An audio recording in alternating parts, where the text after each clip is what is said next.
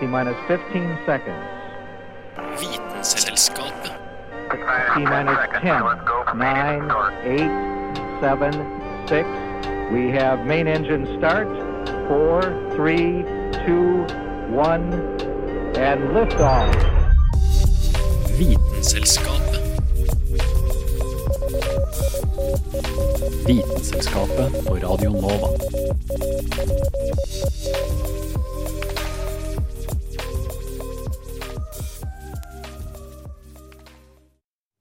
Deoxyribonukleinsyre, eller eh, DNA, som det blant oss eh, flest kanskje er bedre kjent som, er den viktigste bestanddelen i arvematerialet til alle levende organismer. I denne episoden av Vitenselskapet skal vi dykke litt mer inn i hva DNA egentlig er og funker, hvilke om mulig tvilsomme veier forskningen er i ferd med å ta, i tillegg til at vi eksperimenterer litt eh, selv med å teste vårt eget DNA. Jeg heter Sunniva Sol Stannes Blix, og du hører nå på Vitenselskapet på Radio Nova. Vitenselskapet.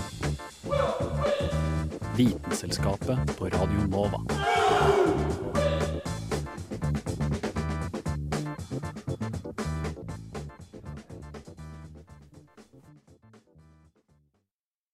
DNA-et inneholder alt. Alt om hvordan du og jeg er, står i DNA-et. Det er oppskriften på hvert individ. Men hvordan kan det da ha seg at vi kan dele så mange likheter med andre dyr, og samtidig se og oppføre oss så forskjellig?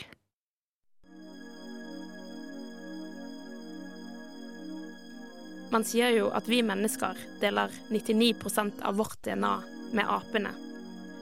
Selv om man ser helt åpenbare likheter mellom oss og apene, så er vi også veldig forskjellige, både med tanke på utseende, egenskaper og oppførsel. DNA-et skal jo være oppskriften på hvert individ. Altså, mitt DNA er helt unikt og gjør meg til meg, og ditt DNA er også helt unikt og gjør du til du. Men hvordan kan vi da være unike når vi deler 99% av likheten med et annet dyr, og samtidig være så forskjellige? Svaret ligger i genene og hvordan disse uttrykkes. Tingen er at i DNA-et vårt så er det kun en liten prosent som utgjør kodende deler, altså genene våre. Og produktet fra genene det er det som gir opphav til egenskapene til hvert individ. Den største delen av DNA-et vårt, faktisk over 98% består av ikke-kodende deler, eller regulerende enheter. Dette her er enheter som enten skrur av eller på gener i DNA-et vårt. Så for å forklare det ganske enkelt Se for deg at du er på en byggeplass. Du har med deg planker som du skal gjøre et eller annet med. I det ene hjørnet har du en sag, mens i det andre hjørnet har du en hammer og spiker. Hvis du går i det hjørnet med en sag, så kan du sage plankene til mindre biter. Men om du går i det andre hjørnet med hammer og spiker, så kan du potensielt bygge et lite hus. Og det er litt sånn du kan se for deg hvordan ulikhetene mellom dyr er. Plankene er som DNA-et, mens de regulatoriske enhetene er enten sag eller hammer og spiker. Så hovedforskjellen mellom dyr er nemlig hvilke redskaper de har i DNA-et sitt, som de bruker for å regulere hvordan resultatet blir. Gjennom evolusjonen har det skjedd mange endringer. Den startet jo enkelt sagt med en suppe av bakterier og mikroorganismer til å utvikles til kompliserte arter som mennesker og andre dyr. Og de største endringene har nettopp skjedd i disse regulatoriske delene i DNA-et. Altså en endring i hvilket redskap man skal bruke. Mens mye av de kodende regionene har blitt bevart. Derfor deler vi mennesker så mange felles gener og proteiner med andre dyr. Og Derfor kan forskere nettopp gjøre forsøk på modellorganismer, som bananfluer, fisk eller mus. Fordi vi deler så mange gener med de, vil også mange av mekanismene som skjer inni vår kropp, om det så er utvikling av et foster eller kreft, så vil dette være veldig likt med disse modellorganismene. Vi mennesker har mange forskjellige celler, som både ser forskjellig ut og utfører ulike oppgaver i kroppen. Og her igjen er grunnen de uttrykker forskjellige gener. En nervecelle vil danne koblinger mellom andre nerveceller i hjernen, slik at du får bevissthet. Og en levercelle vil bryte ned alkohol som du har drukket. Begge cellene har helt likt DNA, men har forskjellige gener som er av eller på. Og det er det som gir dem identitet. I got, I got, I got, quarter piece, got war and peace inside my DNA. I got power, poison, pain and joy inside my DNA. I got hustle, though ambition flow inside my DNA. Og den saken ble laget av Anna Vik Rødseth. Å vite vet Vitenselskapet.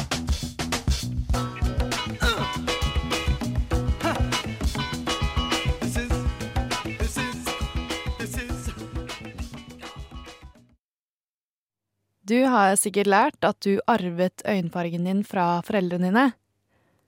Og de liker sikkert å fortelle deg at du arvet de gode karakterene dine fra dem også.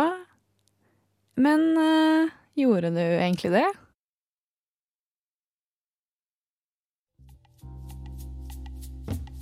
Det finnes mye genmateriale som arves fra foreldre til barn. Men har du noen gang tenkt på hvor mange av de forskjellige egenskapene dine formes av arv, og hvor mange av miljø? Den beste måten å finne svaret på dette er å forske på tvillinger gjennom livene deres. Spesielt de som har valgt veldig forskjellige veier i livet.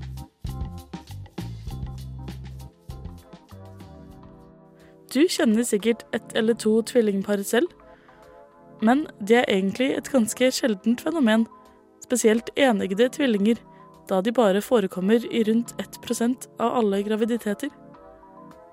Både eneggede og toeggede tvillinger er uvurderlige for forskning.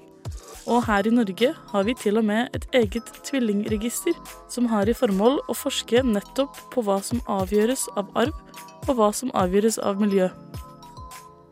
Siden bare toeggede tvillinger kan være av forskjellige skjønn, gir de andre muligheter for forskning. Så hva har denne forskningen funnet ut? Jo, når det gjelder psykisk helse, har man sett at personlighetstrekkene til en person sjelden endrer seg over tid. Men hvis den gjør det, så skyldes det påvirkninger fra miljøet. De har også funnet ut at om du har høyt sykefravær, kan du nok skylde på foreldrene dine. Det er visst ikke slik at man lærer dette, men at det går i arv.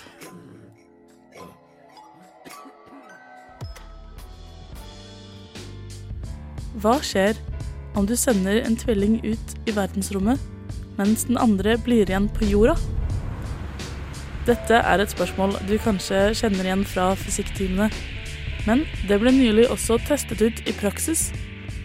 I det som kanskje er den mest spennende tvillingstudien til dags dato, sendte NASA ut astronauten Scott Kelly til den internasjonale romstasjonen. Tvillingbroren hans, Mark, måtte dessverre bli igjen på jorda selv om han også var astronaut. Dette var for å kunne se hva slags effekter romfart kan ha på kroppen. De fant nemlig ut at selv om DNA-et ikke endret seg, så endret det måten det uttrykte seg på. Dette er måten DNA-et reagerer på omgivelsene rundt oss.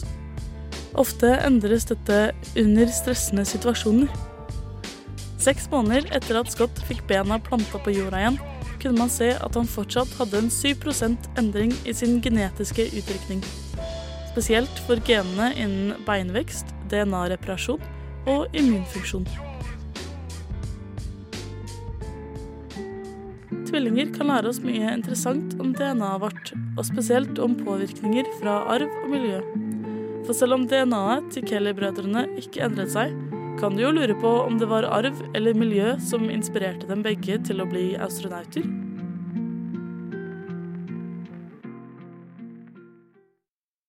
Og det var Julianne Fjell som hadde laget denne saken. Hvis du vil lære mer om studiene som ble gjort med tvillingregisteret, så kan du lese om dem på Folkehelseinstituttets nettsider. Oslo 2 igjen, Oslo 2. Dette er Vitenselskapet. Radio November, Oskar, Viktor, Alfa.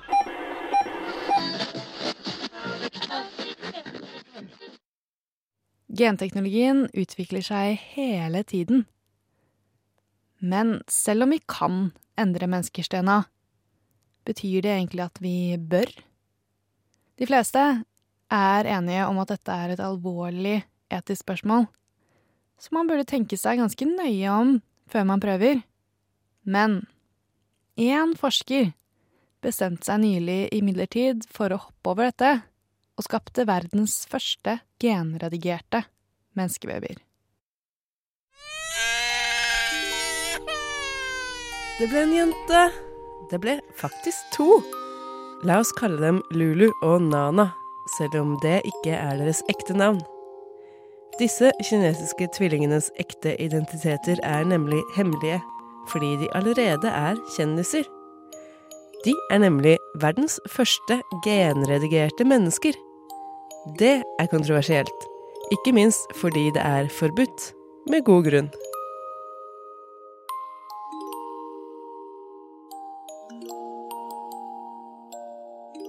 Han som står bak genmanipuleringen, er en kinesisk forsker som heter He Jiankui.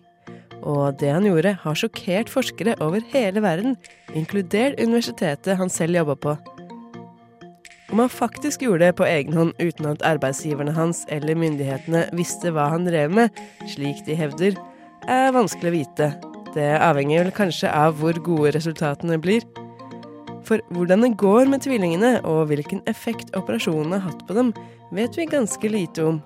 He har nemlig ikke publisert en detaljert rapport om inngrepet ennå. Det vi vet, er at han brukte den såkalte CRISPR-metoden, og det han prøvde på, var å fjerne et gen slik at tvillingene skulle bli resistente mot hiv. Som jo er en god tanke. Så hvorfor er det han gjorde, egentlig så problematisk? CRISPR, som er en slags saks som kan klippe i DNA, er blitt veldig kjent de senere år for å være en billig, effektiv og presis måte å redigere gener. Metoden er blitt testa på både dyr og menneskeembryoer, så er det virkelig et så stort hopp å bruke det på mennesker hvis det kan gjøre livet deres bedre? Problemet er at tidligere forskning viser at CRISPR kanskje ikke er så presis som det har rykte på seg for å være. Noen ganger skjer det feil, slik at tilfeldige gener endres, eller effekten blir uregelmessig, slik at noen gener endrer seg, mens andre ikke gjør det. Et fenomen forskerne kaller mosaikkism. Ifølge eksperter som har sett på det He har offentliggjort, er det akkurat det som kan ha skjedd med tvillingene. Det betyr at en eller begge jentene har en miks av krispra og ukrispra gener, som gjør at eh, det er ikke sikkert at de faktisk er blitt immune mot hiv allikevel. Samspillet mellom gener er veldig komplisert, og selv om vi vet mye mer om dem nå, kan det være vanskelig å spå hva slags effekt det har å rote rundt med dem. Å fjerne det genet som He prøvde å gjøre, kan kanskje gjøre babyene resistente mot hiv, men annen forskning tyder på at jentene i stedet kan bli mer sårbare for andre sykdommer, som f.eks. vestnilfeber eller influensa. I tillegg vil endringene i gener være varig, dvs. Si at når disse tvillingene blir voksne og eventuelt får egne barn, vil også de barna bli født med denne genendringen, og deres barn igjen, og deres barn igjen, osv. Å endre fosterets gener har med andre ord effekt på alle fremtidige generasjoner. He har også fått kritikk for hvilken sykdom det var han valgte å kurere. Ifølge ham selv gjorde han det for å hjelpe familien hvor faren var hiv-positiv, slik at han skulle slippe å leve med frykten for at døtrene hans også skulle få sykdommen. Men kritikere påpeker at hiv er en sykdom som han nå har fått medisiner mot, så sjansen for at barna skulle få hiv, var ikke stor i utgangspunktet. Det rettferdiggjør med andre ord ikke den enorme sjansen He tok men samtidig kan man jo tenke seg at denne operasjonen kan utføres på andre fostre, med alvorlige, uhelbredelige genetiske sykdommer. Er det da verdt det? Uansett hva man tenker om det, er det ingen tvil om at forskersamfunnet kommer til å følge CRISPR-tvillingene med stor interesse, og at resultatet av dette eksperimentet kommer til å ha stor innvirkning på hvordan vi oppfatter genredigering av mennesker. Om det er en superkur eller et eksempel på menneskers hybris. Og denne saken var laget av Kristin Grydland. Ti år, ti år uten å bli avslørt. Og jeg hadde kommet unna med det også. Jeg hadde kommet unna med alt om det ikke var for disse brysomme snusene. Kristian, du kan ikke tro på dette. Din masse båter. Hvordan du? Vitenselskapet hever forskningen, senker svindlerne.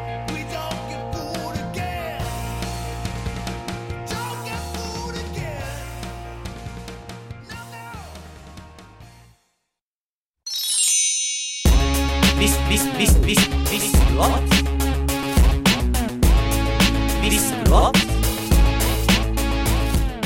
Visste du at? Forskere nå har utviklet et tynt, lett materiale som kan oppfatte infrarødt lys? Målet med denne forskningen er å utvikle kontaktlinser med nattesyn. De infrarøde bølgelengdene ligger under det et menneskelig øye kan oppfatte. Visst, visst, visst, visst, visste du at?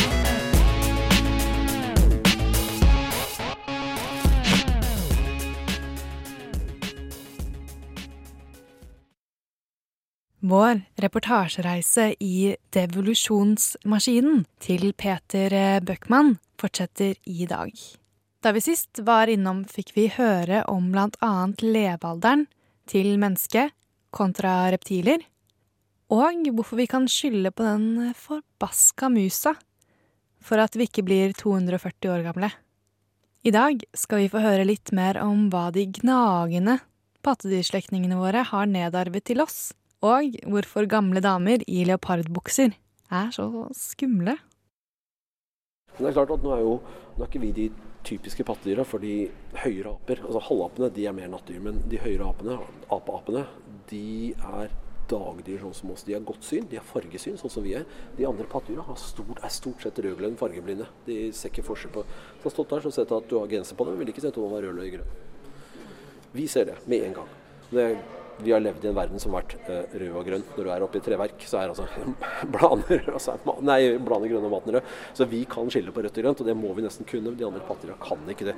En fugl eller en krokodille eller en frosk har mye bedre fargesyn enn oss. De ser dette her, og de ser dette her mye bedre. De kan skille på farger vi ikke kan. Fugler kan se ut i det ultrafiolette spekteret osv. osv.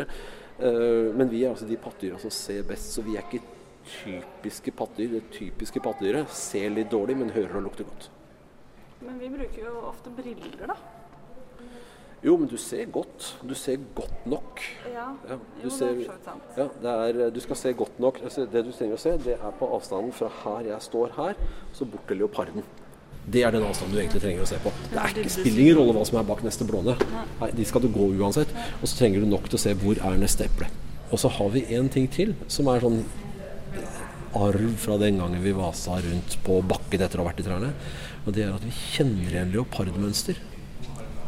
Akkurat det der leopardmønster. Det er, altså, den er jo, det er en fantastisk kamuflasje. Når den ligger i buskaset, så ser hun ikke. Bortsett fra at vi ser den. For vi kjenner igjen det romanparmønsteret. Når du ser det, bare sånn smakk, sier det, så fyrer det et eller annet i hjernen på oss. Vi har en egen bit av hjernen hvis oppgave er å kjenne igjen leoparden i gresset før den ser oss, eller før den klarer å ta oss.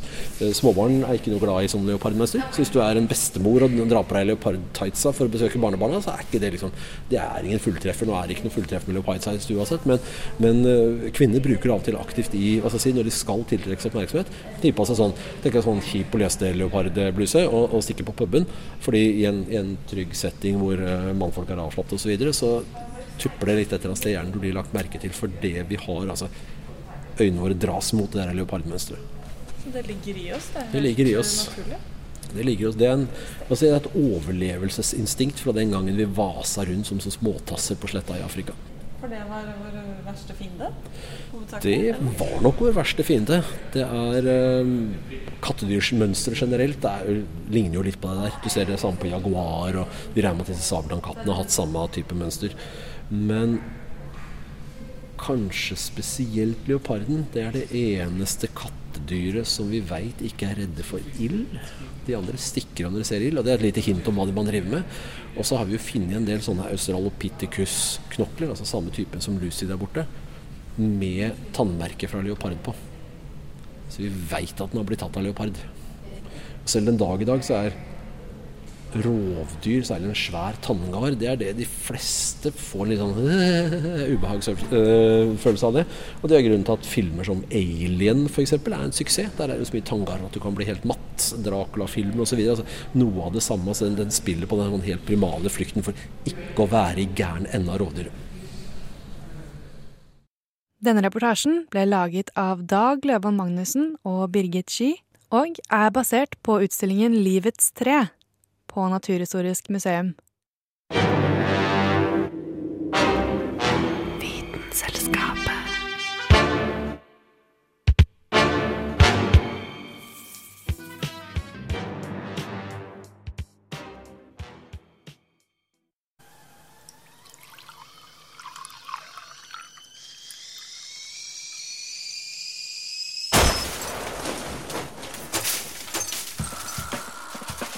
Vitenselskapet eksperimenterer. Ja, og nå inn i studio så har du kommet, eh, Birgit. Ja, hei Sunniva. Hva er det du har med deg? Jeg har med meg en gentest. En gentest? En gentest. Den eh, består av et lite kit hvor vi skal samle spyttet mitt. Og så skal det sendes over til USA og analyseres. I den testen her så kan jeg få vite annet hvor jeg stammer fra. Hvor mine forfedre opprinnelig var fra. Langt tilbake i tid, tror jeg. Eh, og jeg kan få vite hvordan arvematerialet mitt eh, fungerer i forhold til visse stoffer, f.eks., eller hva jeg skal spise.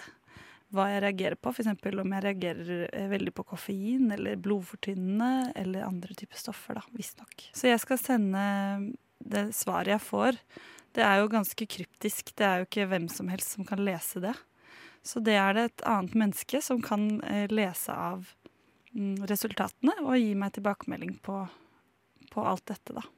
Så hvordan er det du går frem nå? Nå skal vi først ta testen, men når du er ferdig til testen, skal du bare sende det i posten, da, eller? Eh, noen Det fins jo mange forskjellige gentester, har jeg hørt. Eh, den gentesten jeg har kjøpt, den heter 23andMe. Eh, og den skal sendes med FedEx, sånn eh, spesialpost. Så jeg har fått et nummer som, skal, som jeg skal ringe, og så skal de hente den for meg. Wow, det er litt sånn uh, spennende. Du Ja. Komme en person og hente spyttet ditt, på en Nettopp, og så skippe det over Atlanteren. Uh. Over Atlanteren. Så eh, jeg har jo hørt litt at dette har begynt å bli en greie, da. At man kan teste, teste på en måte arvematerialet sitt. Hvorfor vil du sende genmaterialet ditt over? Hvorfor sjekka det? Jeg syns jo sånn her er veldig spennende. eh, For det første. Og for det andre så fikk jeg det i gave, jeg gave av søsteren min, eh, som også har tatt denne gentesten. Og så er det også fordi eh, jeg har lyst til å, å eh, finne ut av hva jeg burde spise, hva jeg ikke burde spise. Om det kan ha noe å si for helsen min, f.eks. Det syns jeg er spennende. Ja, for det skader jo ikke, og det er jo veldig interessant å kunne se litt på det, da. Absolutt. Og så er jeg veldig interessert i slekt, slektsforskning også. Ja. Så jeg har veldig lyst til å mm, kanskje bruke det til noe, hvis jeg finner noen spennende resultater i Ja. den testen. Men dette begynner å bli, virker som det er litt sånn big business, eh, dette her eh, gentesting. Det har blitt kjempebig business, og det har jo eksplodert både med hvor mange som tester, men også hvor mye penger det ligger i det her, da. Bare en test koster jo eh, rundt 100 dollar. Og eh, bare i 2011 så investerte jo Google eh, hele 6,5 millioner dollar i Ja. dette selskapet, dette ene selskapet, da, 23andMe. Så eh, det er mye penger. Men spørsmålet er jo kanskje litt da igjen på personvern. Hva er det de skal bruke den informasjonen til? Da? For dette sendes jo inn til en database som lagres, ikke sant? Det gjør det. Det gjør det, og brukes til forskning. Så Eller andre ting. Det vet man jo ikke.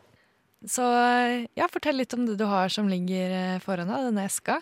Foran meg her har jeg da en, eh, en eske som jeg har fått tilsendt, og oppi den ligger det eh, en, et slags hylster hvor jeg skal spytte oppi. Og det som er viktig med denne testen, er for det første må du registrere akkurat den testen du har fått, må du registrere på en nettside, sånn at det blir koblet opp til, til ditt navn, da. Eller mitt navn i det tilfellet. Eh, så det står det jo her klart og tydelig, at du skal registrere, registrere det først. Og så står det nummer én jeg skal ikke ha spist eller drukket noen ting på 30 minutter. Så det har jeg passet på. Og så skal jeg eh, spytte oppi dette røret eh, fram til eh, opp til en viss strek. Jeg skal lukke den. Eh, og så skal jeg forsegle den i en pose fra Fedex. Ja. Mm. Skal jeg bare sette i gang? Sett i gang. Ja. Her åpner jeg opp. Det følger med en forseglingspose. En liten forseglingspose. Det ser nesten ut som en ziplock-bag. Det er Ja. vel det, egentlig? Helt riktig. Så her har jeg altså en tube med eh, en slags trakt på toppen. Og jeg skal fylle den opp eh, ca. 5 cm. Ja, det er fem centimeter med spytt. Det blir jo Ja, det blir litt det. Ja. Mhm. Da setter jeg i gang, jeg. Det er overraskende vanskelig, faktisk. Jeg tenker på noe godt. Ja, jeg ville tenkt at eh, spesielt når du ikke har drukket Du har ikke fått lov til å drikke eller Nei. spise. Det er hjelper, du kan ikke akkurat ha blandet tyggis oppi, det skjønner jeg da. Ganske tørr munn. Mm. Noen tester har jo også hvor du samler eh, spytt fra innsiden av munnhulen og under tungen med en sånn Ja, sånn som de- politiet gjør. Helt riktig. Uh, og jeg kjenner nå at det er kanskje litt enklere. Ja, de, jeg skjønner jo også det at de må sikkert ha en ganske stor andel de kan teste på. Mm. Ja, Her går det unna, da. Det er mye. Kult, det er veldig, sikkert veldig delikat for deg å se på, Synnøve. Nei, jeg syns det er kjempefascinerende. Syns du? Eh, Jeg synes ikke det jeg ser ikke så veldig ekkelt ut, egentlig. Jeg tror jeg faktisk har nok, jeg nå. Jeg skal, la det, jeg skal ta litt ekstra, jeg. Nei, men jeg tror vi har nok her, jeg. Genmateriale. Et siste spytt, kanskje. Ja, jeg tar et ekstra. Mm. Tar ikke sjansen. Det tenker jeg er bra. Ta på lokket. Da tar jeg på lokket. Close funnel, detach funnel, screw on cap.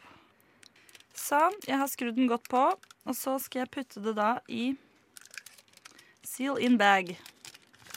Det ser ut som en vanlig blodprøve, annet enn at det selvfølgelig er eh, spytt. da. Ja, helt enig. Og den klistrer seg elegant på. Her er det altså biologisk materiale i denne lille posen her. Det er bra det sendes med Fedex sånn sett, da. At ikke Posten tror du prøver å sende noe annet Ja. enn spytt. Det er sant. Det er sant. For hvor eh, lang tid tar det før du får resultatene? Det sto at det kunne ta to til fire uker. Men da får vi bare vente i spenning, da. Venter vi i spenning. andre. Venter i spenning. Har du noen gang vært i USA selv? Aldri. Se, nå skal du til USA, du. Litt av deg. Hæ? Det er veldig gøy. Da gøy, kan du si at du har vært i eh, USA. Det kan jeg faktisk si, da. Det er veldig gøy, faktisk. Tusen takk for at du kom i studio, Birgit. Takk for at du ville se på meg spytte, Sunniva.